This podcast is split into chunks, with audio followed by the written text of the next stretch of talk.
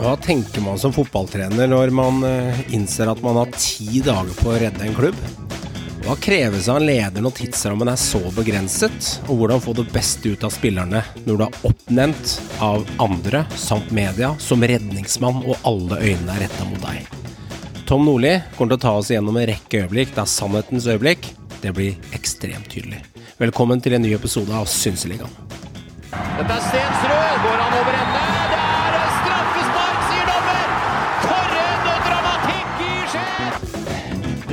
Tar vi bort känslan från fotboll då, då, då, kan vi lika, då, kan, då kan vi alla gå hem liksom. Det, det syns jag. Og så prøver man å skyte fra langt hold. Den der, da!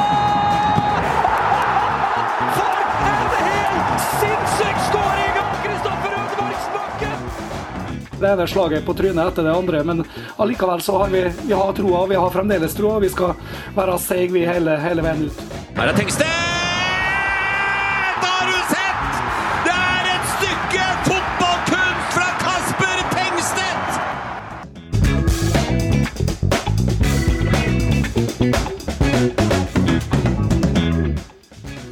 Ja, Håvard, det har gått en uke siden vi hadde forrige episode med såkalte Tidenes kamp del 1, og her er Tidenes kamp del 2. Du kunne dessverre ikke være med i forrige uke, så var jeg og Tom som måtte sitte og mingle og drikke kaffe, og jeg tærte i meg en skillingsbolle og litt cola og litt, eh, litt eh, Sprite, altså, men i dag er kaffekoppen ingen skillingsbolle.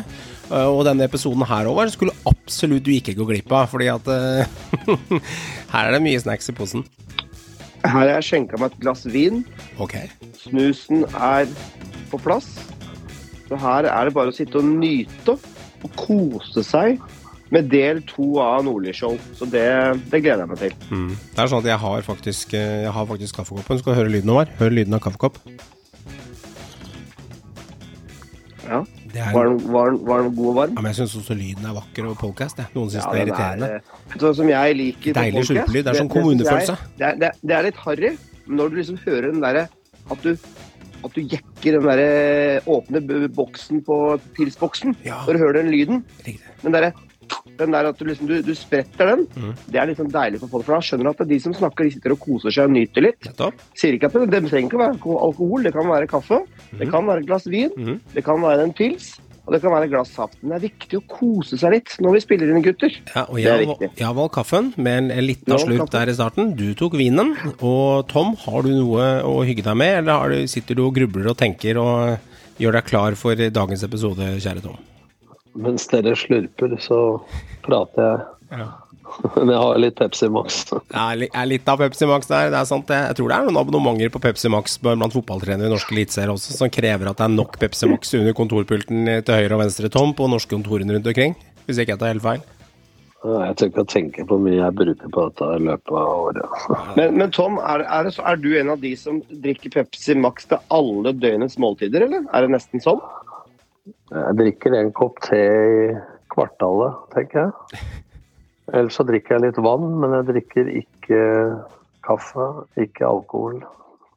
Da må jeg få lov å drikke Pepsi Max litt ofte. Det er jeg enig i, men jeg er sikker på at altså, du du er på Pepsi. Max-kjøret. Det er ikke Cola Zero eller Cola på deg. Nei. Det er Pepsi Max. Nei, altså jeg kjøpte faktisk en åttepakk med, med Cola Zero her, og det var helt merkelig smak eh, ja. første to glassene, og så venner man seg til. Men jeg måtte innom og kjøpe litt Pepsi Max i dag, selv om det ikke var tomt med Cola Zero. Men det er litt rart med det. De som har sånn en enorm avhengighet av f.eks. Pepsi Max eller Cola, Og det er de, det mange av. ja, og de får kjørt seg litt av andre. Men de som snuser for mye, røyker for mye eller drikker for mye, det lar vi liksom gå under teppet. Ja, ja. men vet du, jeg har én fin ting der før vi må sette i gang med fotball. og det er ja, ja. Det heldigvis hvis du har vært et sosiallag da på fredag, var jeg på en sånn Skjettenfest. Alle ledere og trenere og spillere som har vært innom Skjetten da på 90-tallet og 2000-tallet. Mm. Og da er det jo I løpet av kvelden så drikker vel jeg tre sånne 0,33 Pepsi Max glassflasker. Mm. Og folk spør meg hvordan jeg greier å drikke så mye Pepsi Max. Altså det er under en liter. På samme tida så har den drukket ti halvlitere med øl. Ja, det er det jeg sier. Du påpeker bare poenget med det jeg sa. Det det er helt utrolig. Det er helt utrolig. Ok, eh, i første episode av Tidenes kamp så var vi gjennom de fire første der. Vi avslutta med Start Fredrikstad, som er pur magi. Så kommer vi til 2006, og eh, jeg har jo snakket om det så mange ganger i Synseligaens historie, innenfor Quizer-Tom og innenfor gamle røverhistorier om spillere som har vært i Norge, nigerianske spillere i Norge som tok ligaen med storm, så har jeg bare sagt at Petter Ije gikk på vannet.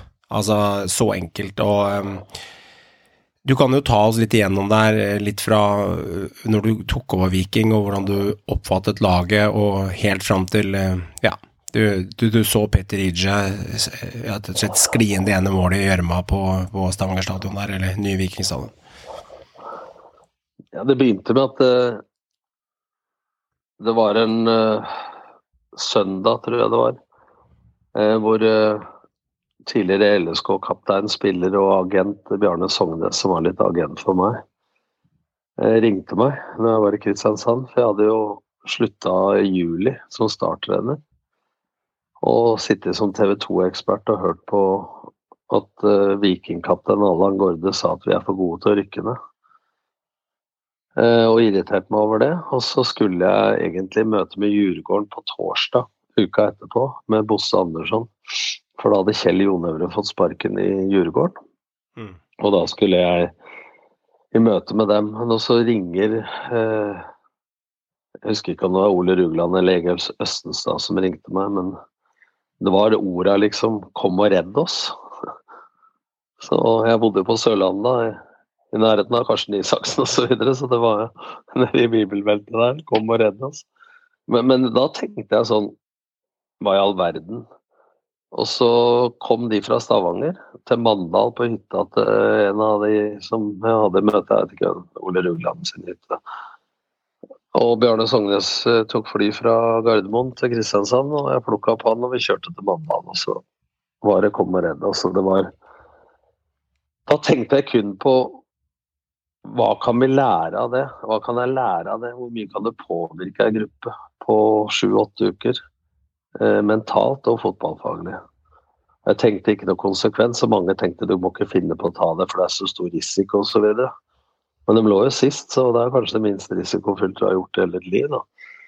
Eh, men jeg kom jo til Viking stadion da var vant til brakker og, og skifte på kott, holdt jeg på å si. Og så kommer du til et sted med en fantastisk stadion med et budsjett som er veldig høyt, med en renommert trener, Tom Prahl, som måtte gå av. Som er en dyktig mann, men som ikke fikk det til der. Det var forventninger om byen til eh, medalje. Og man trodde ikke at det var mulig å havne i nedrykksstriden. Så, så satt vi der og forhandla, da. Nå bør ikke jeg si summen, for den var ikke så høy, men de sa du får x antall kroner for jobben, og jeg, var, jeg, hadde lyst til å si ja. Men så sier Bjarne Sognes vent litt, for jeg må på dass. Og da han reiste seg da, så sa de og du får dette i bonus.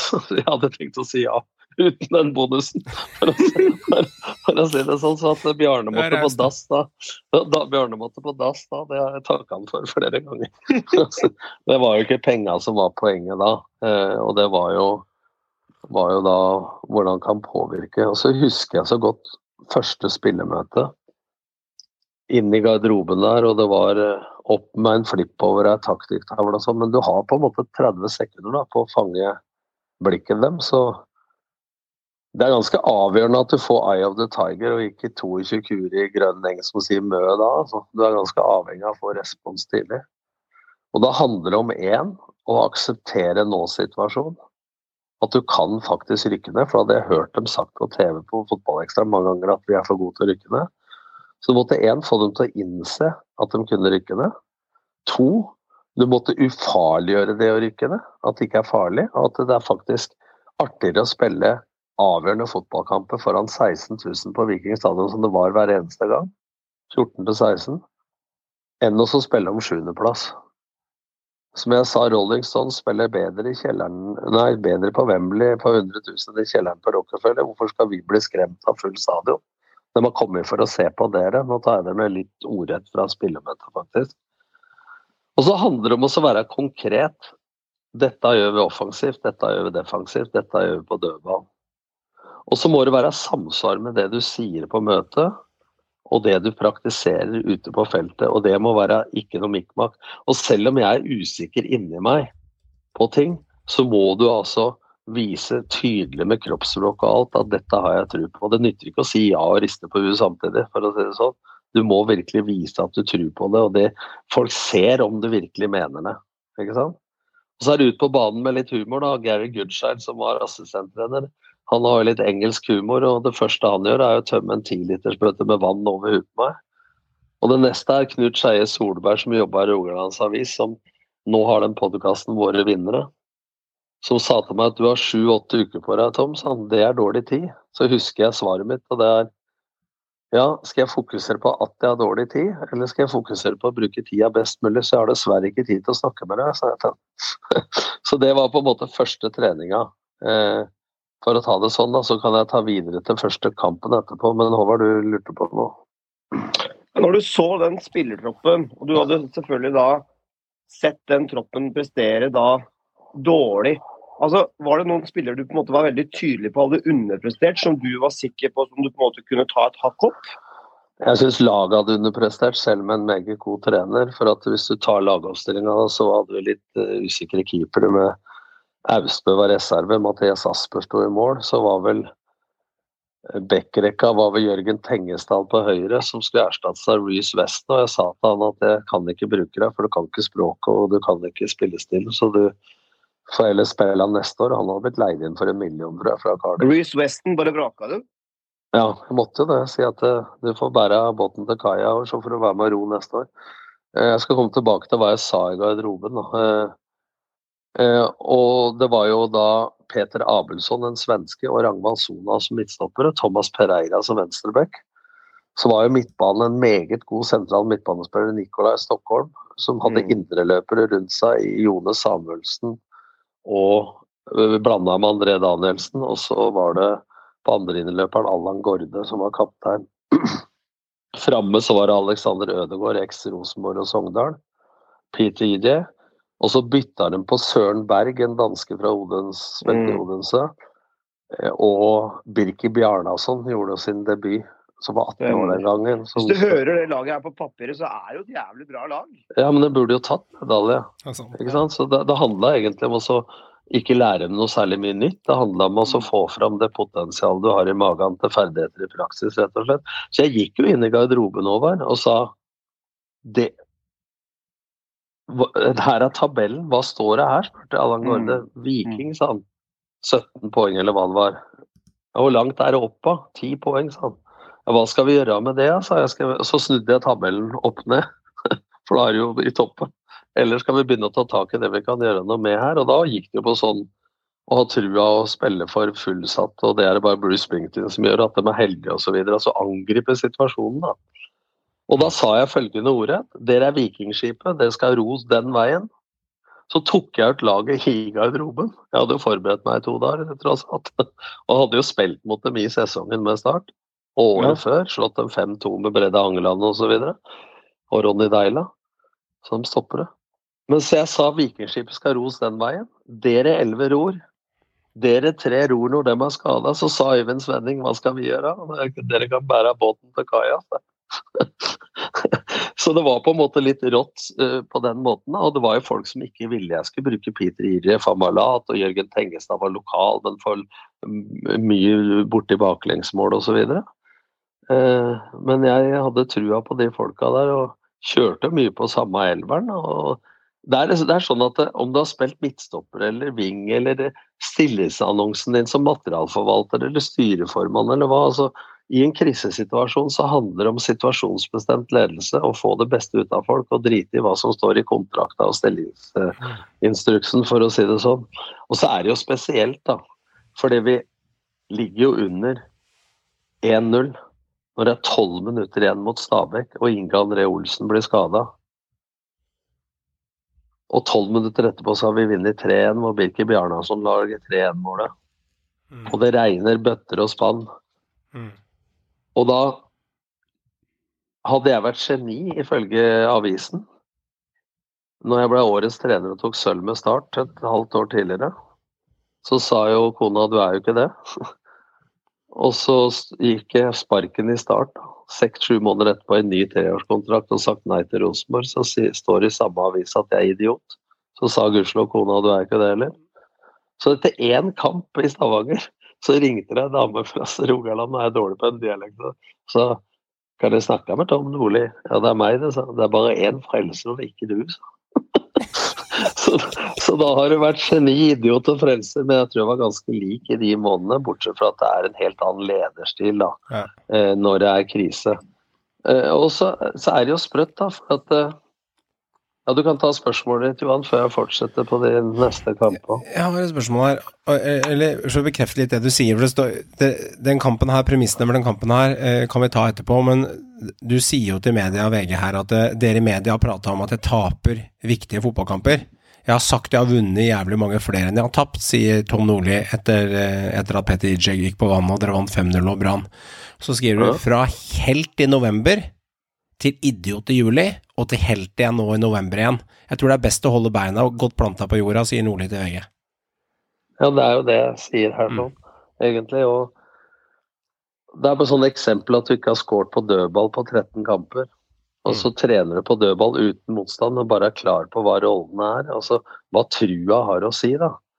Eh, og jeg tror det at hvis du tenker på hvorfor ting er bra, så du kan gjenskape og videreutvikle det istedenfor Oi, typisk oss nå, kommer det sånn igjen, nå blir det ikke mål.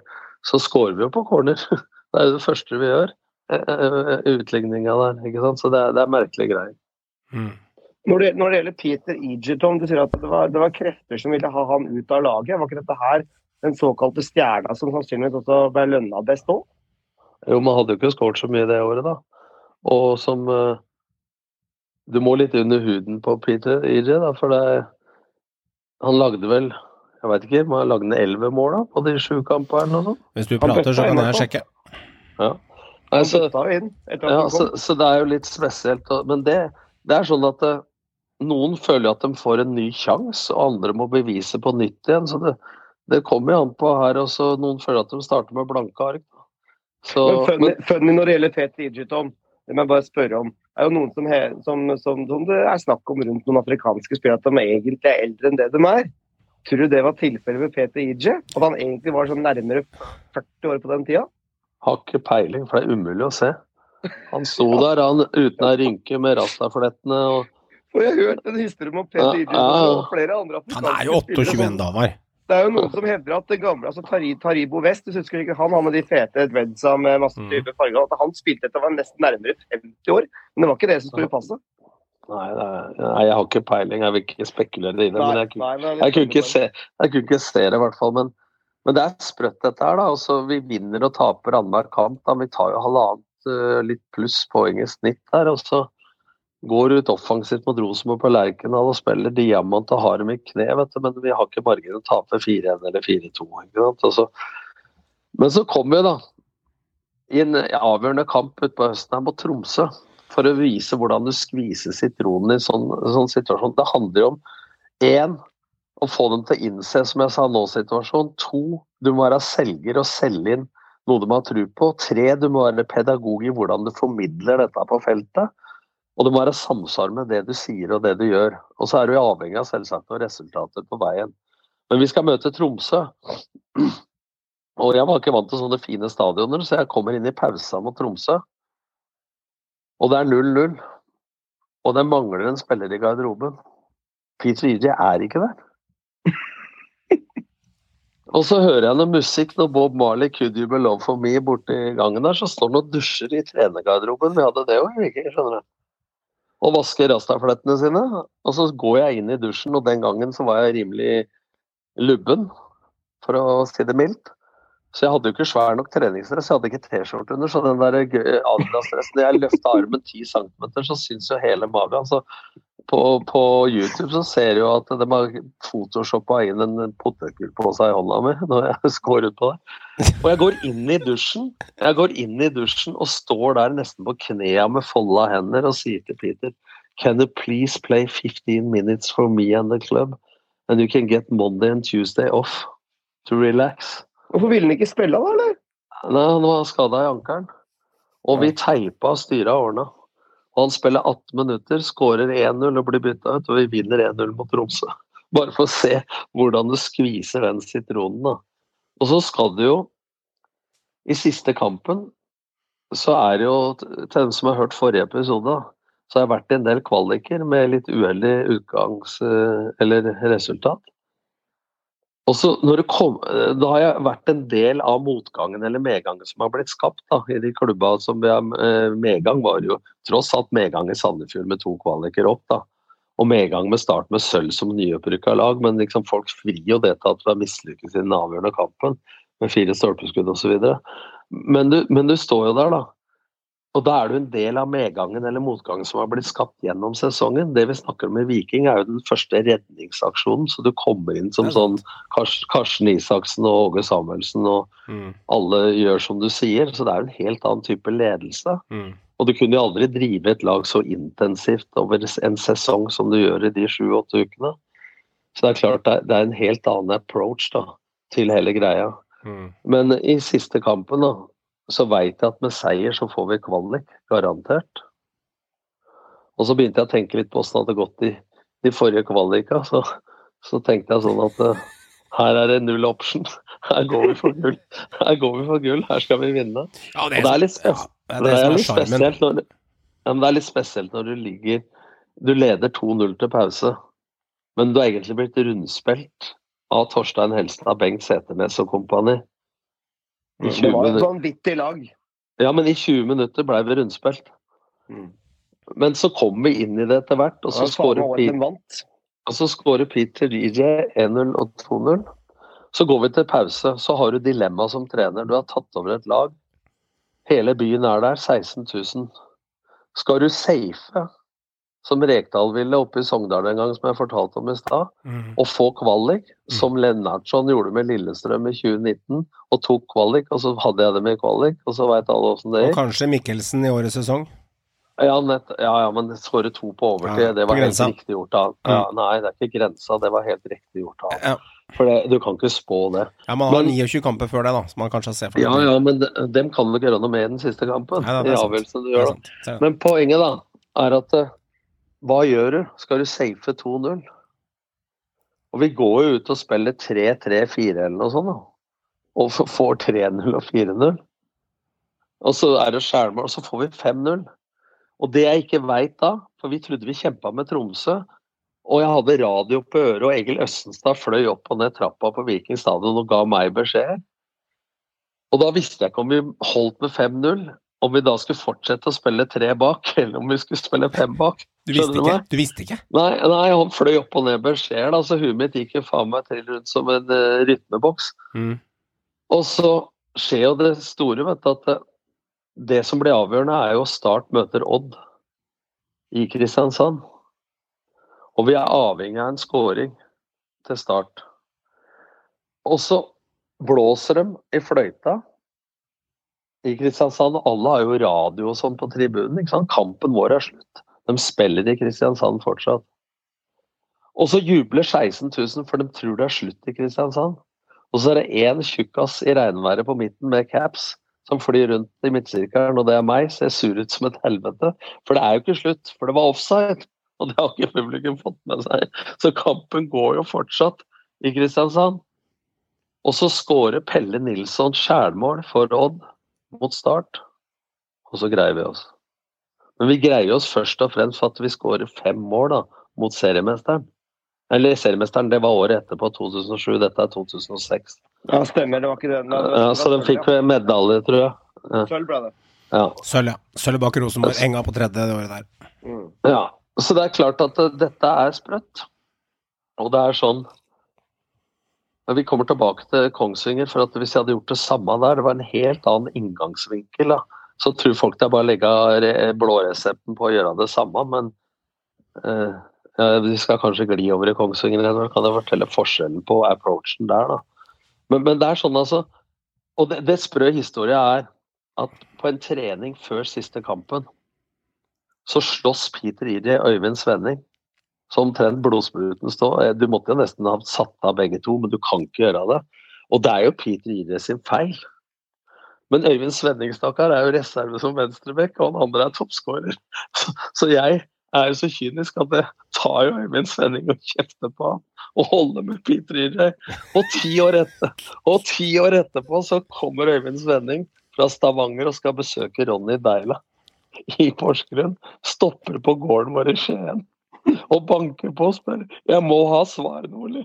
Hva var som skjedde, skjedde den gangen med meg og Peter Ide? Så sa jeg hvis du har valget mellom å holde med en reserve fra Trondheim, en snill, uskyldig gutt, og en kraftplugg fra Nigeria som har skåret seks-sju mål for deg. Hvem hadde du holdt med? Og så lo vi sammen. Men det var ti år etterpå. Er, det er en kul story, ass. Det stemmer. Peter Edge han spiller 15 kamper det året, og han skårer 11 mål. Eh, så når du tar over, så hadde han jo skåra bare 4-5. Ja, jeg trodde han skårte. Jeg trodde han skårte 11. mai, men han skårte kanskje 7, da. Nei, han skårer 11 totalt i året. Eh, ja, men hadde han skåret før jeg kom? Ja, Det får jeg ikke sjekka her, men han har spilt 15 Hvor kamper. mye skårte han i den siste kampen? Var det tre? Fire. Fire. Fire. Og et skjærmål ja, skjæ- skjærmål av han eh, islandske stopperen. Ja. Hva heter han, eh, Håvard? Han, Eh, Christian Ørn Sigurdsson, var det det? Ja, ja, stemmer. Okay, stemmer. Han spilte jo Han, han altså, Håkon Oppdal klinte ballen i brøstkassa på Ørn Sigurdsson og inn. Men det er jo ganske sykt. eh, Han hadde jo to islandske stoppere. Men, ja, men Tom, Tom og Håvard er ganske sykt. Du skal vinne med fire mål i siste matchen. For å sikre også, Ja, altså Brann de var jo ikke De, var ligaens nest beste lag. Det var ikke noe tullelag du møtte, liksom. Nei, men, folk, men folk trodde liksom at Brann hadde gitt seg og sånn, men folk husker ikke det, vet du, at du ble rundspilt i 20-25 minutter før vi Det var, vanvittig, ene. det var jo kamp til døra om det gullet med Rosenborg. Det var jo ble jo avgjort Ja. helt til slutten der. I 2006. Så det var jo knallag Brann hadde, som da tok seriegull året etter. Ja, men det gullet var kjørt, da. De kunne miste Det var gullet var kjørt. Jo, jeg vet, men det var et lag som fulgte Rosenborg til døra. Det er Ja poenget mitt. Det skilte sju Men poeng til slutt. men Brann kommer ikke i på Nei, nei, nei, nei, Vestlandet nei, mot. Viking og legger seg, Nei, Håvard. nei, Det nei, kjenner nei. jeg. Nei, men det er det som er poenget mitt. Det Jeg sier synes det var et knallgodt lag. Ja, ja, ja. Ja. Eh, som det var en syk prestasjon av dere å klare å vinne sånn i en avgjørende kamp, og det var helt vanvittig. Ja, det var helt sykt. Det var sykt. Ja, Tom, og så går vi over i eh, to matcher som vi velger å slå litt sammen her, og det er eh, Kongsvinger eller Vinger. Sju kamper 2008 og sju kamper i 2011. Eh, Fortell litt om forskjellene og tilnærmingen til dette. Ja, 2008 så slutta jo Lillestrøm på sommeren. Og så ringer Henrik Moen meg, og den gang var jo Asgeir Jensby der. Eh, eller han, eh, han var på vegne i klubben, og han eide jo da noe av sykkellaget til Bjarne Riis og noe av hjemmesida til Barcelona. og Drev IT Factory, hadde masse penger og skulle satse. Og de hentet meg der i en redningsaksjon. Og vi hadde Den gangen hadde ikke vi noe lag som forventa Der hvor Viking hadde sagt at eh, vi skal ta medalje, så ligger, hvis dere har vært på Hjemslund, så ligger den én meter over Glomma. Altså. Mm, mm. Og de spillerne satt så med huet under, mellom beina dem at uh, hvis det hadde vært høyvann i Glomma, så hadde den brukna. Så var det nesten jeg var på vei bort på uh, Intersport og kjøpte dykkermaske og, og snorkel til dem. Så, så du kunne jo ikke ta den approachen der. Jeg kunne ikke gå inn i garderoben og si der gutter, vi må innse at vi kan rykke det. For det hadde de faktisk gjort i huet sitt allerede. Mm. Så Der var approachen sånn annerledes at jeg måtte si ja, du har spilt cupfinale i Sverige, du er norgesmester, du har spilt eliteserie. Altså måtte gå rundt og, og fortelle dem når var det sist gang du var god? De hadde ikke vunnet på 22 kamper eller hva søren det var for noe. Altså få poeng. Men jeg har må- et spørsmål, Tom. Ja. Vær så snill å spørre om det. Det er lurt på så lenge før du fortsetter med Vinger. Jeg er nødt til å spørre om dette her. Hvorfor blei du ikke værende i Stavanger? Nei, men det, det kan vi ta bare for å fortsette med andre. Det det jo har jeg lurt på, det har jeg faktisk aldri spurt deg om. Nei, nei, du men hadde altså den sinnssyke snuoperasjonen. Vinner Ja. altså 5-0 og berger plassen. Men så blei Altså- du ikke værende. Nei, og så var det en diskusjon fordi at eh, Egil Østenstad med stor erfaring fra Southampton og England og sånn, var jo på vei inn som sportslig leder. Og så var det jo meninga at han skulle være min sjef, og så ble det noen diskusjoner. Så mente Ole Rugland at vi skulle være likestilt, da, eller at uh, han skulle være sportslig administrativt ansvarlig, og jeg skulle være sports, eller faglig ansvarlig. Og det var jo null problem. Vi samarbeida godt. Men så var jo familien over uh, fire helger på rad, og utrolig nok så var det sol alle ganger. Vi så på bolig og alt som var. Og så er det så sprøtt da at eh, kona får jo studieplass i, i Oslo. Og så snakka jeg med Viking om å få ordna jobb eller studieplass til kona der. Og så gikk ikke det. Og så sier jeg nei. Altså, jeg sa ikke opp, for jeg hadde ikke kontrakt, men så sier jeg nei fredagen og lørdagen i cupfinalehelga. Og da tror alle, for jeg var ikke inne på cupfinaleseminaret, at jeg hadde Lillestrøm klare. Og det er mange som har trodd, og det hadde jeg ikke. Men så ble jeg ringt opp på søndagen under cupfinalen av Truls Håkonsen faktisk i HamKam, som spør hvordan er Ove Røsler? Og så skrøt jeg Ove som trener, da, så jeg hadde ikke noe negativt å si om ham. Hvordan det? Nei, for han tror jeg kommer til å få sparken i Lillestrøm. Eh, og jeg visste ikke noe om det. Så, så, jeg hadde ikke noe trenerjobb å gå til. Men jeg tenkte at nå var det tid at andre i familien fikk være førersetet. Og vi hadde vært i Kristiansand, og jeg hadde pendla osv. til Stavanger i åtte uker. Ja, og det som skjer, da, er at uh, mandagen så får vel Ove Røsler sparken etter å ha kommet til cupfinalen i 05 og blitt nummer fire i 06 i serien. Han var på utgående eh, eller siste året av kontraktsåret, og det hadde de vært litt dårlig erfaring med når Arne Erlandsen var der. Da, og De ville ikke ha trener på utgående. Så det var noen diskusjoner der. Så var det vel eh, folk i styret som eh, ville at Ove skulle fortsette, og noen som ikke ville. Men så får han sparken, da, uten at jeg veit noe om det. Og så er det ved tirsdag eller noe sånt som de ringer meg og spør om jeg vil ha jobben i Lillestrøm, og det var jeg veldig skeptisk til. Så jeg hadde masse møter med Bjarne Sognes, eh, Per Mathisen, Per Berg, Jan Åge Fjørtoft. Eh, om jeg skulle ta det. Fordi at det var jo en kjensgjerning at det var folk i ledelsen som ville at Ove Røsle skulle fortsette. Jeg var skeptisk til hvordan de ville backe meg. Og så blei jeg lovt ting av tang i Lillestrøm sånn og sånn. Og så gikk det to, tre, fire dager, så var det torsdag eller fredag, da. Hvor jeg sier ja til Lillestrøm. Så det at folk tror at jeg hadde Lillestrøm klare når jeg sa nei til Viking, det, er, det kan de mistenke om mye de vil, men det hadde de ikke. Og så er det sånn at jeg kan godt si at eh, jeg ville gjerne til Lillestrøm en gang i karrieren. Så kan jeg si i ettertid at det, eh, det hadde vært lurt å være i Viking og venta med å ta Lillestrøm. Men man vet aldri Timing is everything, som Trond Solli sier. Så det, det er historia, rett og slett, bak de greiene der. Så endte det jo med da, at jeg tok Lillestrøm. Og Ove tok Viking, og surfa videre på det og tilførte nytt og tok bronse. Så det var jo ikke noe å sippe over at den slutta i, i Lillestrøm, for da fikk du Viking, og jeg fikk Lillestrøm. Og før vi går til Vinger og fortsetter der med en som holdt på å drukne i Glomma, så, så tok du faktisk eh, eh, cupfinalegullet 2007 òg, med Lillestrøm. Ja, så, så for, å det, da, for, å avslutte det, da, så, som ikke har noe med det å gjøre, men Brann ble seriemester. Men vi leda serien med Lillestrøm i 17 serieomganger i A26, og vi lå på medalje i 22. Men vi hadde jo da åtte røde kort det året på Kippe Moelli og Bjørn Helge Riise. Mm. Og vi hadde vel fem karantener da, på røde og gule kort når vi møtte Brann i seriefinalen på Åråsen og tapte 5-1.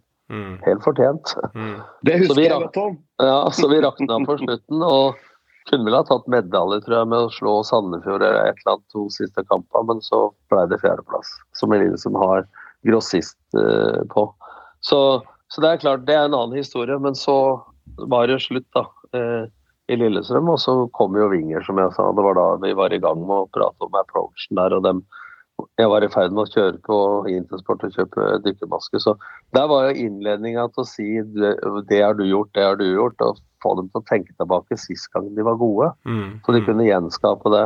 Så er det jo litt sprøtt, da, for at det var så dårlig, og alle var så ivrige. Så det var så dårlig trening at jeg holdt på å snu.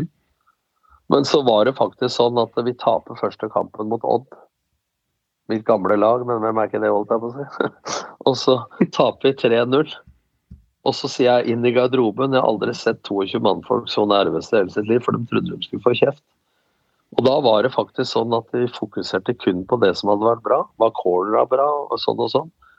Eh, for å, dem var så langt nede fra før hadde forberedt seg på rykkene. Jeg tok over det laget etter Thomas Berntsen, bl.a., som er sportssjef i, i uh, Sarpsborg.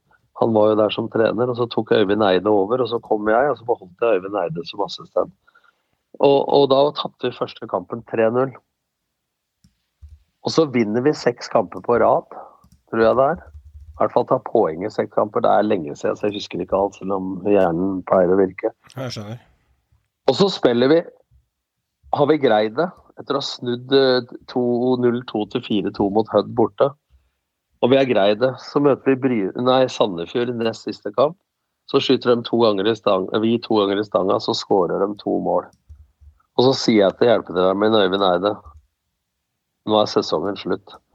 Hvis vi måtte ha vunnet en kamp til, så tror jeg jeg hadde gjort det. Men her var approachen helt annerledes. Forteller dem faktisk de gode tinga, ikke få dem til å innse at de kunne rykke ned. Siste kampen dro vi til Bryne. Jeg var først hjemme klokka fem om morgenen. og vi hadde med frivillige og alt mulig bortover. Og det var stort sett en, en fest å ta for to i siste, men da hadde vi altså greid eh, plassen med, med Kongsvinger, som lå sist. Så det, det var jo to vellykka redningsaksjoner på rad der, mot Viking og, og mot Kongsvinger. Spørsmål, Tom. Syns du det på en måte var altså, nedtur å ta over Kongsvinger? Selv om det på en måte lå en skikkelig gulrot da. Du hadde tross alt vært i Viking, du hadde vært i Lillestrøm, som klubben i ditt hjerte, LSK. Og det gikk, ikke, det gikk ikke helt veien der, og så tar over da Kongsvinger. Var det på en måte litt sånn nedtur? Tenkte du bare oppside? Jeg, på den tida tenkte jeg bare oppside, for eh, jeg syns ikke det var en nedtur å ta fjerdeplass. og en tittel, første tittelen Lillestrøm hadde tatt siden 1989, det kan neppe beskrives som at det gikk ikke så bra. for å si det sånn. Så ah, Motgang kan defineres på mange måter, ikke sant? Eh, men jeg spurte ti stykker syns du jeg skal ta Kongsvinger. Og åtte-ni sa enten at det ikke var fint nok, som du antyder, eller at eh, det var for stor risiko. Så spurte jeg dem hjemme syns de jeg skal gjøre det, og dem tror jeg hadde fått nok av en som var vant til å leve på resultatet søndag, onsdag og søndag. Og høydepunktet i uka ble lottokupongen og handleturen. Så, så når jeg spurte syns du jeg skal ta Kongsvinger, så fikk jeg bare høre at det syns jeg du skal. Vil du være så snill? Men samtidig så trivdes jeg så jævlig. altså Alle sier det er press og sånn, og det er det. Men jeg har sett på det fotballtreneryrket. 16 stykker har de toppjobba i Norge. Og det er press, ja. Men altså, jeg har trivdes jævlig godt med det. Og som vi snakka om i forrige episode, så skårte jeg på nevrotisme på den der fotballhodet omtrent på null. Så Mm. Den tida, det har vært verre med åra, så hadde jeg vel ikke evne til å være nervøs i det hele tatt, for å si det sånn. Jeg tenkte kun hva kan jeg lære av det, hvilken oppside ligger det? Hva, hva... Det får jo ikke blitt dårligere enn sist, tenkte jeg, når alle syntes det var så svær risiko. Det er et godt- poeng. Eh, er du en type, Tom, som eh, Jeg kjenner deg litt som det, men, men kanskje du kan prate litt om det? Eh, er litt nysgjerrig på det med Nå har veldig mange andre tenker posisjoner og hvem som skal ha det beste vervet og den feiteste lønna og sikre seg huet og ræva på midler og sponsorer inn og alt mulig. Så, så er du en type som liker ofte å åpne luka litt og kikke litt ned i grotta og tenke hva er det jeg kan få ut av den gjengen her? Det er en, ofte en tanke som slår meg med deg. Ja, altså Jeg syns jo den perioden som fotballtrener som har vært best, Mm. er når overgangsvinduet er stengt. Ja. For da har du kun fokus på å utvikle de du har der, og ikke hele tida maser. Jeg lærte litt av en coach en gang som var på cupfinaleseminaret. Mm. Eh, og han var veldig opptatt av det som trener. At du, når du snakker i media som trener, så snakker du til supporterne dine, du snakker til spillerne dine, og du snakker til styret ditt. Og det var mange ganger jeg var naiv og trodde alle ville meg vel. Men hvis du sier som trener at vi trenger en ny spiss, hva tenker de spissa du har fra før da? Du må jo si at vi trenger en ny spiss for å øke konkurransen. Så kan du gå til styret og si at vi må ha en ny spiss. Du snakker til alle deler av en klubb når du snakker i media. Og jeg mener det å takle media er en vesentlig faktor i treneryrket. Og jeg har tenkt hele tida oppside, men jeg skal ikke legge skjul på det at jeg har vært ganske kynisk på å være sammen med de som jeg har lyst til å være sammen med, og ikke bestandig de det lønner seg å være sammen med. Mm. Så det finnes folk i Norge som er vesentlig bedre enn meg til å bygge nettverk. Og jeg har sikkert sagt for ofte hva jeg mener. Jeg sier fortsatt når jeg sier noe, så sier jeg det jeg mener, men jeg holder oftere kjeft. Hvis du skjønner? Så, så jeg er Du kan si hva faen du vil, men jeg er autentisk og ekte i alle situasjoner. Det har jeg lært meg med, etter å ha blitt en holden gammel mann. Ikke holden, men gammel. Uh, så, så jeg har aldri tenkt sånn hva som lønner seg. og innynde meg med den og den, for det kan lønne seg, for da kan jeg få den og den jobben om en stund osv. Og det kan hende det er dumt, men jeg lever veldig godt med det verdigrunnlaget der. Eh, så det ja. Det er vel det halvveis lange svaret. Ja. Eh, eh, du var jo i to perioder på, på Kongsvinger. Var det noe forskjell mellom de periodene? Med de tre-fire årene imellom der? Altså, fikk du, uh... Ja, altså, første gangen, andre gangen så var det jo litt mer overraskende. For da hadde de vært innom For at når jeg gikk fra Kongsvinger, da For året etter den kvaliken så var jeg Kongsvinger med Asgeir Jensby osv. Så, videre, så ble det den IT Factory-skandalen. Så vi sto vel hos rådmann på lille julaften og tigga om penger for å få lisens. Og så lå vi jo faktisk på direkte opprykk når jeg blir solgt i anførselstegn til Fredrikstad.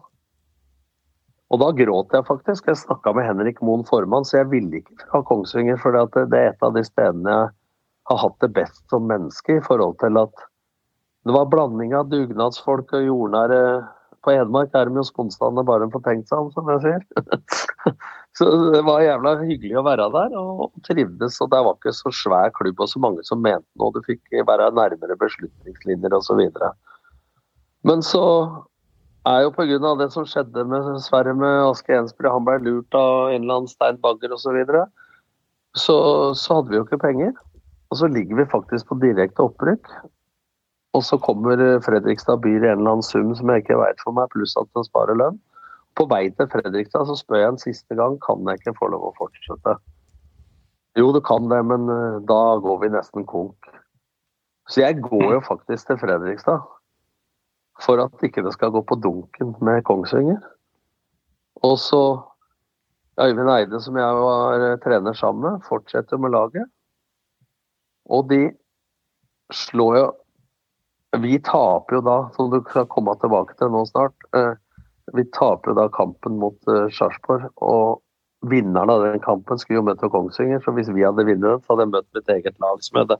Jeg styrte altså Kongsvinger i 20 av 30 kamper. Og jeg styrte Fredrikstad i 7 av 30 kamper. I media het at jeg rykka ned med Fredrikstad, men Øyvind Eide rykka opp med Kongsvinger. Sånn er mekanismene, gutter. Men, men Tom, hadde du en, egentlig en dårlig følelse på tale i Fredrikstad? Nei, jeg var litt naiv. Jeg burde hørt på Ivar, eh, med Vida Henriksen i Fredrikstad Blad.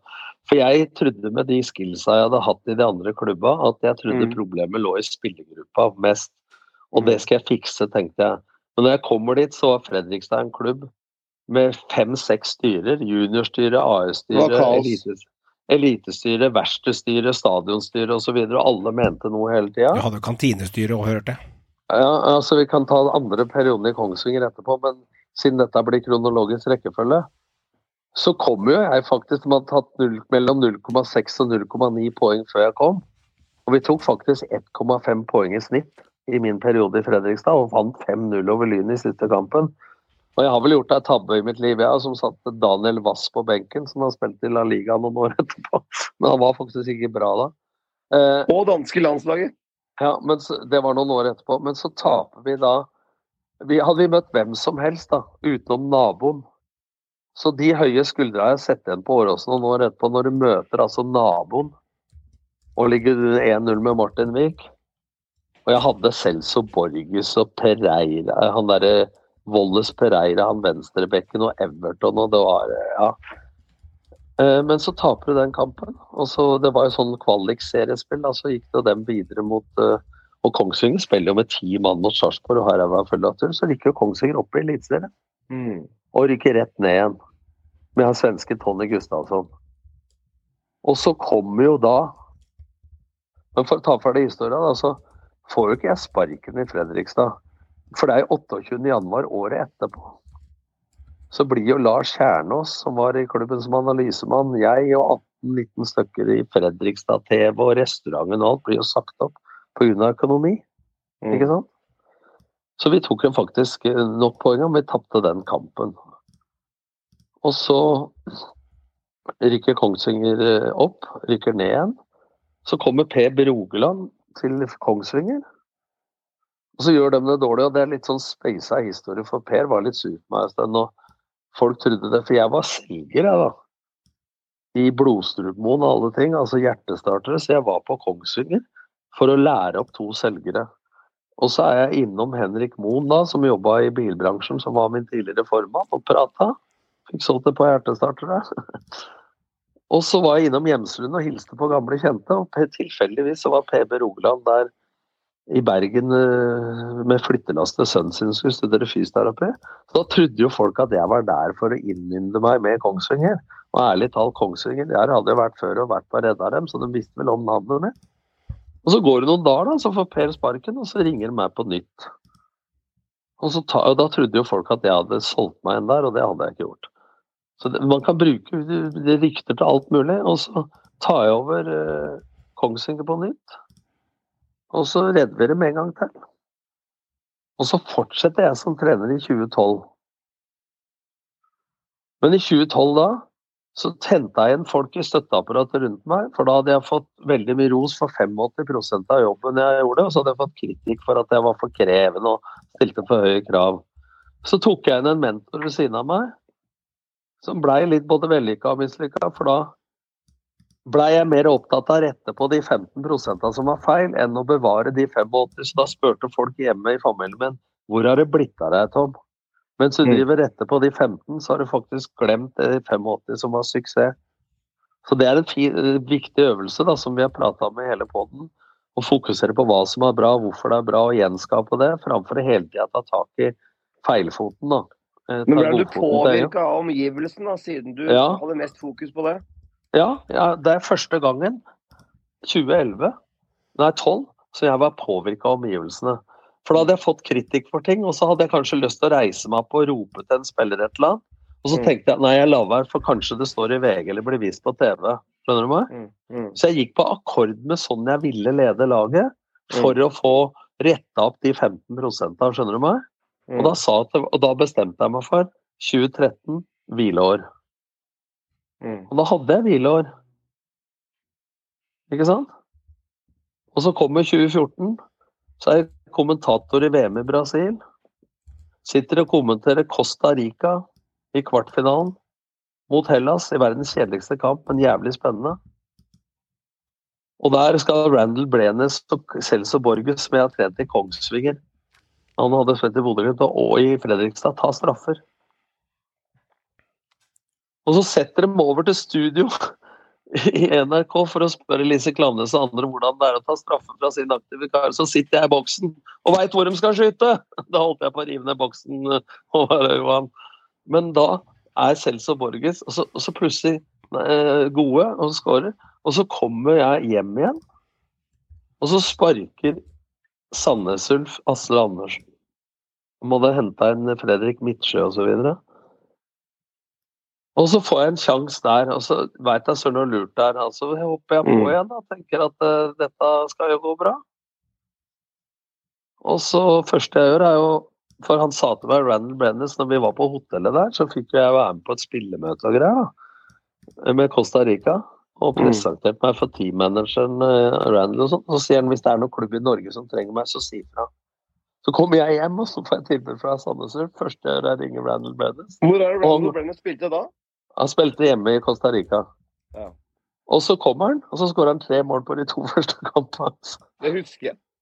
Og så for å ta Du henta han svære islendingen nå, du. Ja, Hanne Sigurdsson, ja. Ja. Men så kommer vi da til siste seriekamp. Vi kan få kvalik. Og dette er jo sprøtt, da. Fordi jeg Vi leder tre Altså, jeg gjorde om og fikk Fredrik Midtsjø som indreløper og fikk hyggelig ros av han og, og tilbake til Rosenborg osv. Og, og vi slår Lille, uh, uavgjort mot Lillestrøm, vi slår Vålerenga med Rekdal osv. Spiller 1-1 borte mot Brann og, og gjør det bra.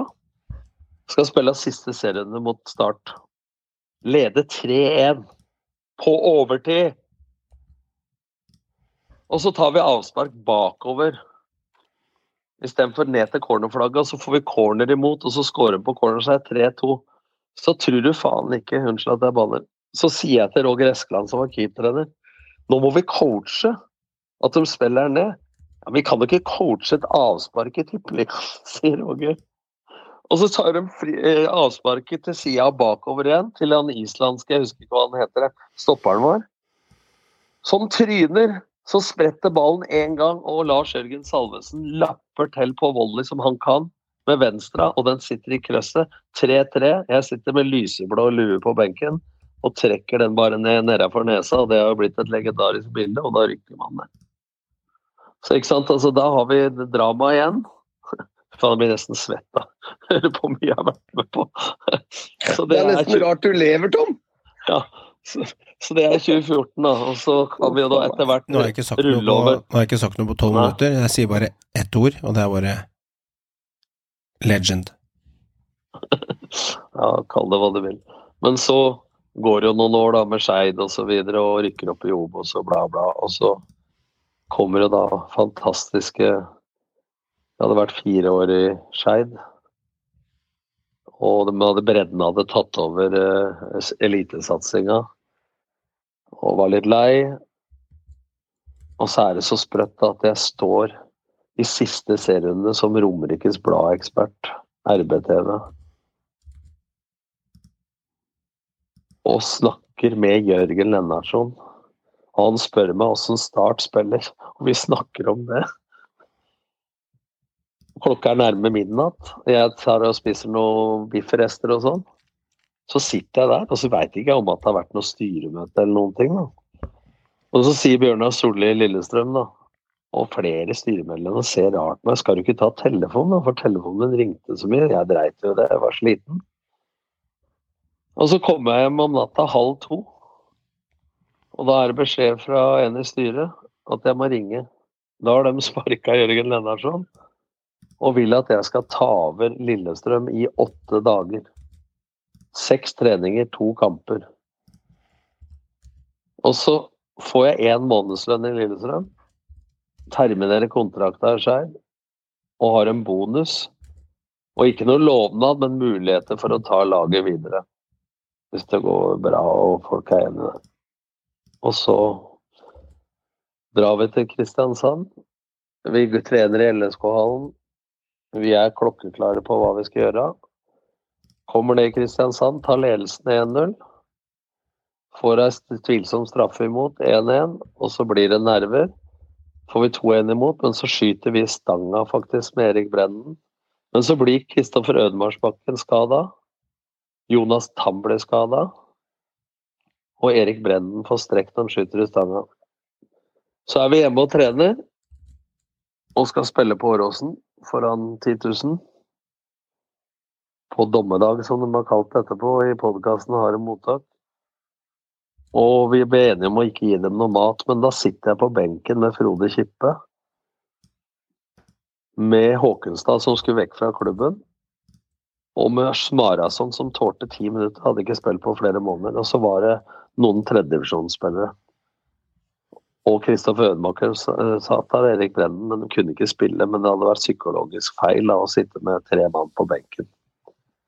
Så jeg kunne bare sette inn Håkenstad og Kippe og Smarason i ti minutter. Og så tar vi ledelsen 1-0 med Simen Kinn Michaelsen etter ett minutt. Og vi tar 2-0 på delvis sjølmål Thomas Lene Olsen. Eh, til pause, men så er Alex Jeg måtte spille med Matthew som kant. Fordi at han hadde løpt så lite i første kampen, og han elsker jeg den spilleren. Løp en tredjedel av hva Fredrik Hogstad gjør. det. Han var indreløper. er han Daniel Pedersen som var i Brann, var jo sentral midtbane. Stemmer. Og så er de nesten rødt kort, vet du. Han, han stopperen som jeg ikke husker navnet på, fra Jamaica. Damien Love. Ja, han burde hatt rødt kort. Han knocka jo ned igjen. Eh, men så er jo en fare for å få Jeg var nervøs for det andre gule på Mel Galvis. Så jeg bør egentlig bytte den ut, så jeg sier i pausa at om du brekker nesa, så har du ikke lov å bli forbanna.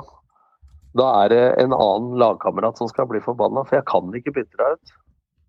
Så han spiller videre, og vi leder 2-0, og vi er enige om å gå for 3-0. Men siste fem minutter av første omgang så blir vi pressa. Og da kom nervene, og da så jeg at det nytta ikke for Lillestrøm å presse lavt, rett og slett. Så vi hadde trent inn 4-3-3 høyt press. Hvis vi måtte ha mål, skulle vi spille 2-4-4. Hvis vi måtte forsvare oss, skulle vi spille 5-4-1. Går ut i annen omgang, blir pressa som faen av start. Men så får vi en kontring med Sheriff Sinjan, som nå er i Molde, men som har vært ute hele året pga. noe infeksjonsgreier. etter en operasjon. Løper over hele banen. Spiller ballen til Daniel Gustavsson, som skårer 3-0. Og folk er helt euforiske. Og så får vi 4-0 ved Alexander Melkalvis. Så er Matthew, så er Matthew, Matthew aleine med keeper for 4-0. Og så kommer en situasjon hvor Simen Kinni Karlsen blir takla. Og så roper Saggi, som var fjerdedommer, til han Ola Hobber Nilsen, men det er så mye lyd. Straffe roper han på mikken. To ganger. Så går jeg bort til den, så ser jeg hører hva du sier. Så gliser han og så sier han men ikke bruk det mot meg, Tom. Det er Ola som må avgjøre. så det er mye rart. Og så skal jeg sette inn Frode Kippe altså Så skårer de 4-1 på et frispark som Fredrik Krokstad lager. Og så helt tilfeldig så skårer de 4-1. Og så ser jeg at laget stivner litt. Grann. Og da varmer folk opp. Og så skal jeg sette inn Frode Kippe, så rekker vi ikke det. På de to innkasta som kom, for det går jævlig fort. Og det er mye lyd. Og når Frode står klar, så er det 4-2. Så er det én tilskuer, LSK-supporter, Noldus, som løper inn i 16-meteren, og seks vakter. Og dette er sant, jeg så det ikke, Håvard og Johan. Der og da så så jeg det ikke. For jeg hadde fokus på noen taktiske greier. Så scorer altså Keeperen vår, eh, Marko Maric, blir jo forstyrra. Mm. Så scorer dem altså 4-3 mens det er tilskuere på banen. Og da er mm. vi ute på bortemål. Og dette er kampen, den siste offisielle kampen som bortemål har telt noen gang. Men det er første seieren til Lillestrøm på 13 kamper. Men jeg var geni, sa folk. De skårte tre mål på 5 minutter og 50 sekunder. Vi måtte ha politieskorte ut av banen. Tilskuerne prøvde å sparke ned spillertunnelen. Vi gikk inn i garderoben og inn i fysiorommet. Der er det glass. De prøvde å knuse ruta. Vi måtte inn i garderoben som ikke er vinduer. Sitte der i 45 minutter med tolv politifolk utafor. Så ble spillere geleida til parkeringsplassen, og de måtte hjem. Mens Frode Kippe som kaptein og jeg måtte stå og svare for oss i media. Etter at Lillestrøm har rykka ned for første gang på 45 år. Tror du du hadde klart å rydde i land hvis Kippe hadde kommet på banen? Jeg tror ikke det uansett. For poenget da er at vi tålte ikke å presse lavt. Men når Kippe kom inn, så, så ser det bare altså Salquist, som spiller Europacupen og leder i Danmark, ble helt stivna til is. altså Vi, vi tålte ikke å slippe inn mål. Hadde jeg vært der ei uke til, så tror jeg vi hadde greid det. Uten at det er noe feil med Lennartson eller noen ting. Men liksom, vi greide jo Vi spilte jo kanskje de beste 75 minutta som Lillesund har spilt på flere år. Mm. Da sånn, Og valsa over dem. Men, men så Om Kippe hadde kommet inn, da så, Men når han kom inn, da, så skulle vi spille 2-4-4. Da skulle vi vinkle de lange ballene ut mot Simen Kinni Karlsen, som da hadde gått opp som wing, og Matthew spilte back. For at Simen Kinni er veldig god i lufta. Så skulle han heade inn mot Thomas Lene Olsen, Arnor Smarason og Frode Kippe. Det som skjer, er jo at vi blir paralysert, og så slår vi alle baller. Rette pasninger på rette løp, rett opp på Kippe. Så blir det frispark imot hele tida, for de pakker tre mann rundt stakkars Kippe. Ikke sant? Mm. Og så fader kampen ut, egentlig. Så folk halve tribunen med startsupportere var jo i Oslo. Altså den uh, På vei hjem. Altså, jeg var på vei, vei eh, ned fra fjellet ja, med familien. Jeg så faktisk ikke den kampen her, det er helt sjukt, men jeg fulgte den jo live. Og jeg begynte faktisk å slutte å sjekke når det var 4-0. Og så plutselig så på slutten av kampen så bare sjekka jeg innom. Og da trodde jeg faen ikke hva som sto der. Altså. Det var helt sjukt. Ja, så kan folk si at du burde gjort ditt og burde gjort datt og satt inn kippet før osv. Men, men vi var så dårlig i lavpress. Altså, poenget her da, er at men jeg påstår at du fikk snudd nesten opp ned på det laget, rent sånn fer eh, ikke ferdighetsmessig, men trua og det vi presterte, spesielt på Åråsen, på åtte dager. Og det beviser for meg at når folk sier at de må bygge stein på stein, så kan du gjøre gode kortsiktige resultater og dårlig, litt på tilfeldighet, men også på det som har med lederskap, råskap, mentalitet, eh, tankemåter å gjøre. Men det er jo ikke bærekraftig over tid. Du kan ikke være så intensiv. Altså, du har seks treninger, over. og Johan. Fire av dem er ordentlig, to av dem er restitusjon og dødballtrening, og vi har to-tre spillemøter. Er, Og to det, er, det, er, kamper. det er snevert. Du skal være ganske presis da i meldinga di. Men, men Tom, på 4-0 der, hvor sikker var du på at dere klarte det da? Jeg og Arild Sundgås og, og Jon Knutsen var de tre eneste på stadion som ikke var sikre. De ropte geni, og det var ikke måte på. Jeg har ikke fått så mye ros i hele mitt liv. Eh, de derre Hva heter reklameskiltene? Sånn rullende neonreklame. Tilskuerne reiv jo ned dem. Da ser du startspillere samler seg i en flokk. Mm. Jeg får ikke kontakt med spillere. Jeg prøvde å rope til Maric, keeperen på 4-2, legg deg ned. For hvis han hadde lagt seg ned, så må ikke han ut av banen som skada, skjønner du. Folk tror vi ikke gjorde grep, men det var så mye lyd, det var umulig å nå fram, og folk var helt paralysert. Og konsekvenstenkende, ikke sant, fordi at nå skjer det igjen, skjønner du meg? Mm. Mm. Og hvis de hadde vunnet siste kamp mot Sarpsborg, så hadde jo Geir Bakke og Sarpsborg rykket ned. altså, så Det, er så mye, det er så mye sjuke tilfeller. vet du. Og så nå er Geir Bakke i Lillestrøm min gode kamerat og gjør det bra med Lillestrøm. Så Du skjønner at timing og marginer det er... Og ingen av lagene prøvde jo å vinne. Det var null målsjanser til begge lag siste serierunde Lillestrøm-Sarpsborg. Og Lillestrøm tok da til takke med Kali og trodde det skulle gå bra. For de gambla ikke på å score. Ikke sant? Så, så det er klart at dette er helt sjukt. Det er helt surrealistisk. Altså Hvis du hadde prøvd tusen ganger, eh, gutter, så hadde det ikke skjedd. Verken det Verken det i start eh, Fredrikstad eller eh, dette her med Lillestrøm hadde, vært, Det er jo smått ironisk òg, Tom, at akkurat den siste kampen med bortemålsregelen, så er det nettopp deg som leder laget. Ja, jeg har tapt to kvaliker, da, eller to kamper eh, med Vålerenga og Lillestrøm på bortemål. Så det er ikke rart bortebane er vanskelig, gutter, når eh, måla teller dobbelt. Men hva, men hva, hva altså Det må jo være en helt, helt jævlig situasjon å være i. Altså, hva som går gjennom huet når dommeren blåser da? Ja, altså, det er så tomt. Det er så tomt. Men, men du skal skjerpe deg, og jeg skal være glad jeg ikke har vært trener i et kvarter, altså. Ja. Hvem som helst uten å skrytes kan ikke stå der og være beherska i media. Si de rette tinga i garderoben. Og vi hadde et brifingmøte en eller to dager etterpå. eh, oppe på vippen på Åråsen og gikk gjennom tinga. Og Simon Mesvin hadde møte, og jeg sa ting osv. For ord blir jo fattig, men det var ingen som sa ett forbanna ord på 45 minutter. Ikke ett eneste ord. For dette, hvis folk tror at det ikke går innpå spillere, glem det. Dummeste øra folk sier at det, det er ikke innsats og sånn. Altså, Det kan se sånn ut noen ganger, og når supportere og alle er forbanna, så er det ingen som er så skuffa som dem som har dette som profesjon og yrke. Altså, det skal jeg love deg. Det må være en kamp av 100 da, som folk spiller dritt i en kamp for å bli kvitt treneren. Det har jo hendt. Men spørsmål, Tom. Når du hadde klart å på en måte levere den forestillinga, altså dere skårte, dere leda 4-0. Du hadde klart å på en måte vende, om laget, tross alt. De vant, dere vant jo, men dere holdt jo ikke. Men, men ville du gjerne fortsette med det, med det laget? Ja. Det vil jeg. Og det Men sånn ble det ikke. Det ble en av mine beste kollegaer og kompis, Geir Bakke, som har vært min assistent i Vålerenga, tok over sjetten etter meg. Da nytter det ikke å være bitter, gutter, i det yrket her. Vi snakker sammen ukentlig, vi. Fortsatt. Og jeg visste, når jeg gikk til siste kampen, at han var en konkurrent om det. Ja. Det var han ærlig på, så han er en real kar. Og når jeg slutta i Vålerenga, så sa jeg til Geir at eh, fortsett. Det hjelper jo ikke deg om du slutter, for han tilbød seg å gå sammen med meg. Det er stort, men jeg ba han fortsette. Mm. Det som var litt bitter for meg, var at en spiller og Kjetil Rekdal som tok over den gangen, uten at vi har noe usnakka nå.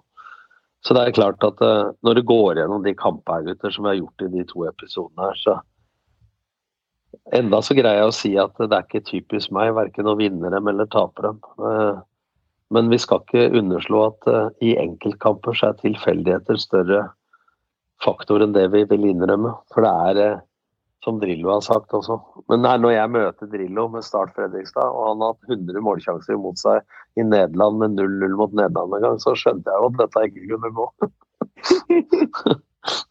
nei, så det, han sa det jo, Drillo. Fire stolpeskudd på en omgang, det er eh, som vi tok i forrige episode, det er surrealistisk. Men så gnager det jo, da. Jeg hadde aldri tatt en redningsaksjon til, jeg, tror jeg. da.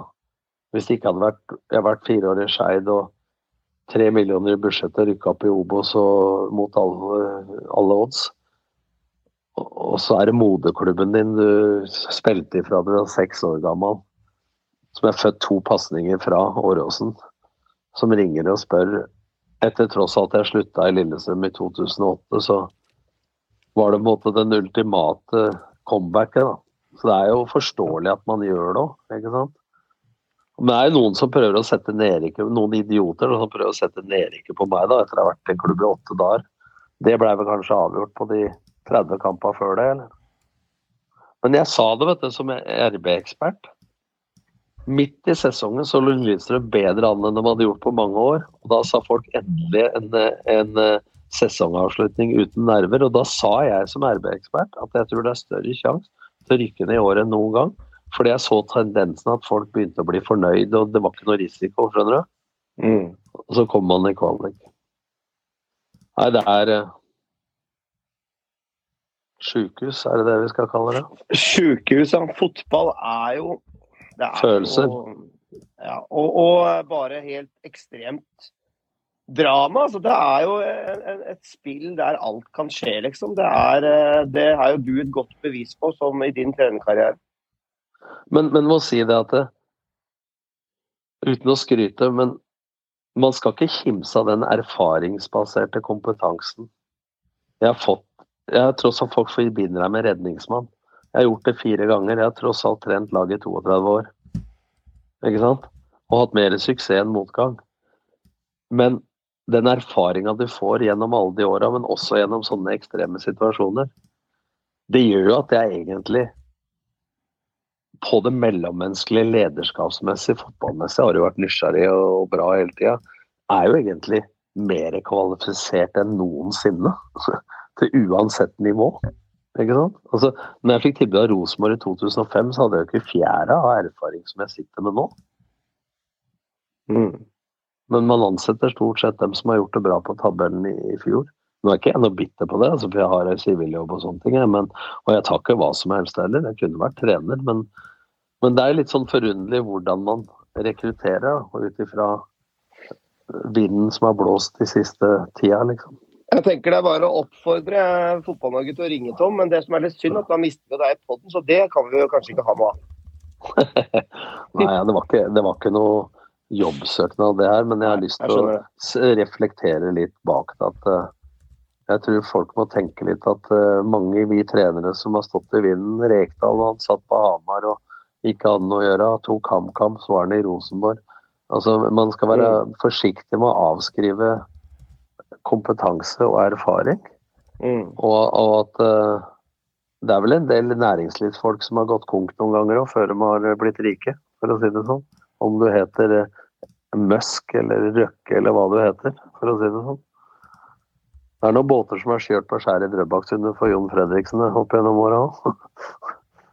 så, så, det er klart at uh, så tror jeg sånn avslutningsvis da, at når man var trener på 2005, 6, 7, 8, den tida der, hvor det var TV 2 lagde et fantastisk produkt av Eliteserien, det var mye penger i omløp osv., så, videre, så var vi tross alt tre, fire, fem mann rundt et A-lag. Du bestilte mm. omtrent billetter til La Manga og bussen til Mandal. Og du hadde spillemøter og spillerutvikling, og din stemme lyd i alle rom. I dag så er de 12-15 mann rundt hvert A-lag. Du har egne analysefolk, du har egne personlige utviklere, mentaltrenere, fysiske trenere, spillerutviklere, toppspillerutviklere. Så er, jeg påstår at det er mye lettere å leve lenger i dag, fordi at uh, de trenerne som er sånn som Geir Bakke på Lillestrøm, som overlater mye til Petter Myhre, de er mye sånn at uh, de er sterke og tydeligere enn noen gang på færre felt. da. Det er mer, du har satt sammen et lag utafor banen med relasjonelle ferdigheter like mye som på banen. Altså Vi skal ha en som er sånn, en som er sånn. Så laget utafor banen, støtteapparatet, blir komplementært. da. Og det er mm. mer spisskompetanse i det. At ikke alle ønsker å bli hovedtreneren, som folk ville før. Og At de er innforstått med rollen sin som analyse eller assistenttrener osv. Så sånn sett så har jo folk rundt et team i dag fått mye mer ansvar enn det var før i tida. da hvor du måtte bable i alle rom, og da blir du sliten sjøl. Og de andre blir slitne. Så folk blir jo lei hverandre mye tidligere før enn det man blir nå. Og det tror jeg også har noe med sin økonomi, at det er færre som mister jobben i dag enn de gjorde før. Så Jeg sitter og nyter, jeg, Tom, og har hørt på deg nå. Og det er fint å se at du blir litt emosjonell rundt det også, for jeg ser et sånn touch av at du er, du er ikke bitter, men du er litt sånn Du er litt Ja, men tankefull. det er jo- du er litt ja, tankefull. men det er, det er jo følelser av Gud, og jeg har lært av dette. Selvfølgelig. Mm. refleksjon. Og jeg mener jo det at hvis du har evnen til å tenke over hva som er bra og gjenskape det, men hvis du også har evnen til å tenke hvorfor ting gikk galt, da, og hva kunne du gjort annerledes, og lære av det og være bevisst rundt det, og ikke tro at du er utlært på noen måte, så finnes det jo ikke noe bedre lære. Det er jo ikke farlig, som jeg sier til ungene mine, å gjøre feil, hvis du kan lære av det. ikke sant? Og det er noe annet å si at uh, dette kan jeg, så jeg er utlært, men da er du ferdig isteden. Så jeg tror at, jeg tror at nysgjerrigheten min, da, både har jobba i media og alt, og holdt meg våken rundt fotball, er noe av grunnen til at man er pragmatisk og følger med i tida, istedenfor å sitte og tro at det du gjorde i 1998, holder i 2022. Ja, ja. Jeg, tenkte på alle de matchene, Tom. Hvis du tar litt på sparket. Jeg har ikke spurt om det spørsmålet her før sending. Jeg kom faktisk på det akkurat nå, når du, når du nevner at man er i bygda. Jeg er det karakter for å stå i sånne ting. Og hvis du tenker alle de matchene du har vært igjennom, da. Sandefjord-Enga, som vi tok i forrige uke. Eh, Vi har Sandefjord-Brann 2002, Enga-Sogndal 2000, Start Fredrikstad, Viking-Brann 2006, Vinger i to runder i 08 og 11, og så var jeg innom Fredrikstad Sarpsborg lokaloppgjør i 09, Sandnes Ulf med utvikling der, og marerittet på Åråsen eh, LSK Start 2019. Eh, hvis du kan nevne kanskje en to, tre, fire spillere som du har sett gjennom den 20-årsperioden, så er hvor- som ikke gjemte seg, og ikke kikka på naboen, og ikke lurte på om noen andre skulle ta ansvar, men spillere du kan snakke litt opp, som at eh, dette var en spiller du kunne, som kunne gå i krigen med. For dette er tøffe situasjoner man har vært i med klubbene. Eh, spillere som kanskje ja, Det er fort gjort å også tenke klassisk Frode Kippe, Martin Andresen, for de leser vi om uten at du har hatt Martin Andresen i stallen din. Men det er noen spillere du la merke til at oi, shit, han guttungen her, han vil. Eller denne spilleren her, han tar ansvar når jeg ber om det. Jeg vil ikke ta enkelt, for det er vanskelig å si når du er et sted sju-åtte uker, men Frode Kippe er jo som aldri en sånn fyr. Ikke sant? Men jeg har lyst til å fremheve to-tre spillergrupper.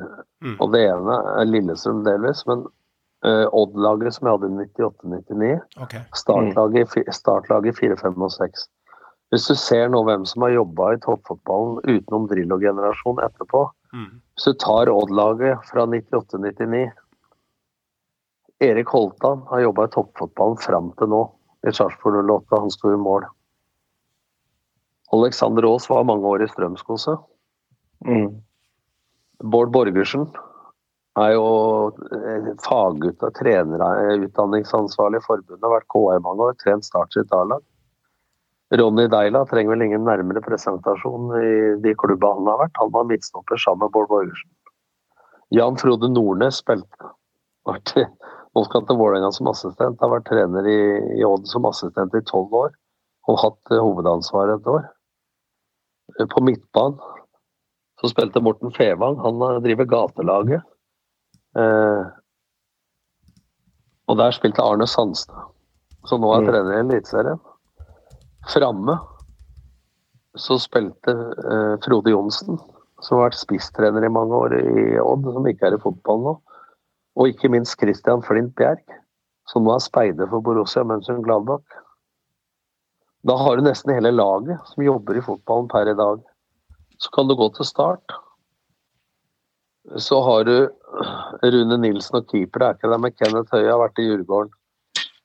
Og så har du Steinar Pedersen, som har trent Start og Jerv. Som nå har vært assistenttrener i Vålerenga damer, så nå er sportslig leder i Vålerenga damer. Du har Bård Borgersen, som jeg har nevnt, var i Start også. Du har Atle Roa Haaland, som har vært sportssjef i Start i mange år, inntil for et par år siden. Du har Marius Johnsen, som er eh, lærer i fotballinja på uh, Kristelig gymnasium og trener et juniorlag.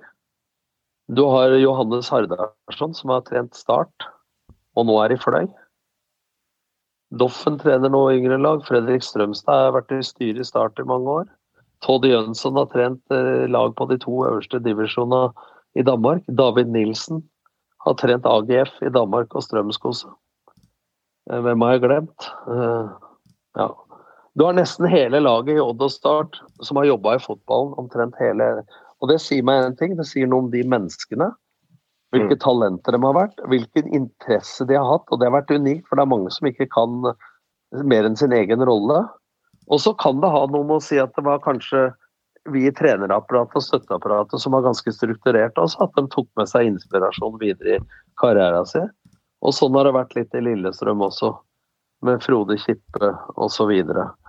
så så jeg vil ikke trekke fram noen enkeltspillere, men dette er folk Altså det å komme inn i Odd som ung gutt i 98 og hanskes med Alexander Rosvay jr., da, men Ronny Deila, Bård Borgersen, Erik Holtan, Arne Sandstø, Frode Johnsen Sterke personligheter. Hvis vi ikke der hadde vært våken fotballfaglig, så hadde vi vært ferdig på et kvarter. Så det er jeg ganske stolt av, de tinga der. Altså det utviklingsmiljøet du hadde. Og jeg er avhengig av prester igjennom spillere. Men etter hvert så kan du velge litt typer sjøl, og nå velger vi spillere som skal passe inn i en rolle. Men som ser på Lillestrøm nå, det er blitt mer og mer vanlig å se på de personlige psykososiale, mentale ferdighetene. Altså hva slags type menneske trenger vi i garderoben. Ikke sant? Det er blitt mer og mer utbredt, i tillegg til det fotballfaglige. Føler du på mange måter at det var sterkere personligheter og profiler i fotballen før enn det er i dag? Vanskelig å si, men det var i hvert fall sterke personligheter. Men det tror jeg har litt med lederstil å gjøre. For min lederstil av Rekdal sine flere kan oppfattes som veldig autoritær på sidelinja i kamp, men da har vi ikke tid til kollokviegrupper. Det er på lærerskolen. Men i treningssammenheng, hvordan du involverer gruppa i utviklingsarbeidet, det tror jeg dere hadde fått sjokk av. Hvor mye man involverte gruppa i start, og spesielt Odd, eh, Lillestrøm, framfor det som det syns i tabloidene, hvis du skjønner meg. Skal du gi venstrebekken din beskjed 80 meter unna på Ullevål med 20 000, så må du ta i litt, Håvard. Det skjønner jeg rekke- Det nytter ikke å rekke opp hånda og si 'hør her, gutten min', som på kontoret. Det er en par, det er en par ledere da, i næringslivet som sier vær, sånn som Marit Breik, vær sånn. Husk på at i fotball har vi ikke timeout. Og kan, og kan snakke med innbyttere og sette dem innpå igjen, men du skal gi en beskjed. Og så sier folk at det, det er ikke noe vits i å gi noe beskjed under kamp. Det sier til og med Drillo, for folk får det ikke med seg. Så er min kjepphest til slutt. Hvis du trener på hva du skal gjøre i kamp, og et ord fra deg når stopperen har ballen, så skal midtbanespilleren holde breit eller smalt. Hvis det orda du sier i kamp er gjenkjennbart fra trening, så skapes det bilde i huet på spillere, og folk tror at ikke coaching har noe å si da. Hvorfor er man så coachingaktig da i, i basket, håndball og, og hockey? Selv om man da har timeout og kan prate med innbytterne, så tror jeg det også er undervurdert i fotball. Eh, men det må ikke være for lange setninger, men det må være ting som publikum ikke skjønner en dritt av, men som spillere kjenner igjen og skapes bilder i hodet. For dette handler om pedagogikk og visualisering, folkens. For den som tror at eh, banning og sverting og alt det er ofte sånn selvregulerende for egen nervøsitet. Men eh, jeg tror man har hatt de jobba man har hatt på grunn av, og ikke på tross av. Så cocky har jeg lyst til å være. Var det mange fine øyeblikk her, Tom. Er, noen er litt tristere enn andre, og andre er jo fantastisk for supportere. Så um, det har Lange øyeblikk, da. Ja, Deilig øyeblikk. Fint å ha spilt inn de nå, en i forrige uke og en denne uka her. Så jeg har få- få- fått det på tape fra starten av eh, 2000-tallet og helt fram til eh, The Last Catastrophe i 2019. Em, jeg har hørt litt Lillestrøm på det de siste årene for å snakke litt om Lillestrøm. og em, eh, Enten om det er Romerikes Blad, som du også er med i der, i, og eh, Ukentlig Tom, eller om det er andre podder.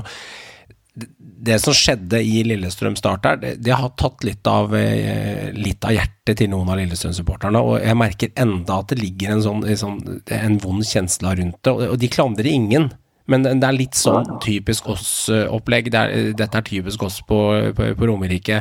Eh, Det, er- det er en sårhet rundt det, når du hører Ja, men det, men det viser altså kan si mye om supportere, at det er topp tre fire i Norge når det Ja, ja. gjelder supportere. Det ser bare hva de mobiliserer når det brenner på dass. Mm. Men det er ingen som er så negative hvis du kaster et feil innkast heller, så det er passion over hele linja. Men, men, eh, men samtidig da, så, så kan man si i ettertid at det aldri lønner seg å rykke ned. Men jeg tror også det begynte en omveltning i Lillestrøm i 2017 med, med å tenke langsiktig. Nå har de fått inn utviklingsavdeling, Tony Ordinas breie støtteapparat. De har fått analysefolk, mentale trenere. Mm. Det siste nå er at man ansetter en dataspeider som skal sitte med algoritmer og sånn. Og så har de ansatt Espen Olsen, som er i Vang samarbeid med Lillestrøm, som 50 speider. Mm. Så, så de, de bygger jo kultur her rundt ting. Eh, og det er første gangen Lillestrøm Nå skal det være et årsmøte på onsdag eh, om eh, sammenslåing, når vi spiller det nå. Eh, om LSK kvinner. Men dette, det er første gangen LSK kan ha økonomi til å tenke 2023 og 2024. Det har vært brannslokking av spillerinnkjøp og treneransettelser i, i mange år. Mm. Så her har det skjedd en omveltning, men, men Lillestrøm-supportere er jo viktige. Men når du ser i ettertid, da, så tror jeg en del av prosessene For det var en overlevelseskultur i LSK. Om å overleve lengst i Eliteserien var viktigere å være der i 45 år enn litt tabloid da, enn en prestasjonskultur. Ja. Men det begynte å snu litt i 2017. Før vi runder av her, eh, så, så lurte jeg litt på hva, hva tenker du om eh, at TV 2 nå tar over rettighetene? Har du trua på at uh, norsk fotball kan bli tatt til eh, holdt jeg på å si, gamle høyder med tanke på mediedekning og interesse? Ja, det har jeg. Og ikke for å si noe vondt om Discovery, men største ulempe med Discovery, som jeg mener dem i media inn i, i forbundet gjorde feil, var å undervurdere betydningen av egne nyhetssendinger rundt Eliteserien og Obos-ligaen. For at når du, ikke, du skulle samarbeide med VG, men når, før i tida, da Det var én mann som fulgte Lillestrøm, en som fulgte Vålerenga, så de laga nærmest Akersgata, da. Christian Oma, som nå er i Nent, da, fulgte Lillestrøm. Han var på hver trening hele jævla Mm. forbanna året. Jeg sto en og en halv time med media til hver trening. Og det er klart på godt og vondt, da. For da vi oppdager om at den ene spilleren spytta på den andre, takla han, eller om vi hadde noe ført opp at jeg sto nærme hverandre langt unna hverandre, om vi diskuterte eller ikke. Brød og sirkus, men det var mer Folk sier det er så tøft. Jeg husker Reka sa en gang at det var så tøft, for det, når Grindheim han krangla, så var de der hver mandag. Så sa jeg til Reka at eh, når du spilte der jeg var trener, så var det med mandag til fredag. Så, altså, det var mye mer trøkk rundt den trenerrollen da pga.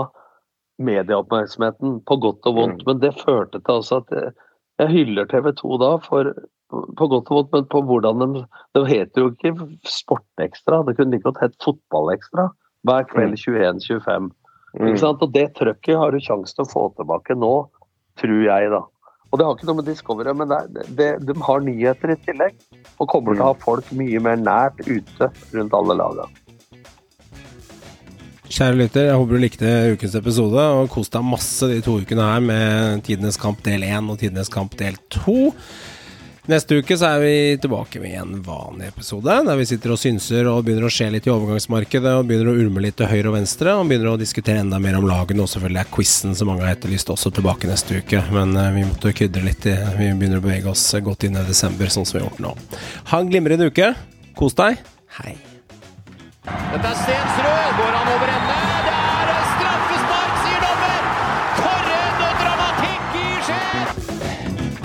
Tar vi bort känslan från fotboll, då, då, då, kan vi lika, då, kan, då kan vi alla gå hem. Liksom. Det, det syns jeg. Og så prøver man å skyte fra langt hold. Den der, da! For en helt sinnssyk skåring av Kristoffer Ødemarksbakken! Det ene slaget på trynet etter det andre, men allikevel så har vi, vi har troa. Vi har fremdeles troa. Vi skal være seige hele, hele veien ut. Her er Tengstedt!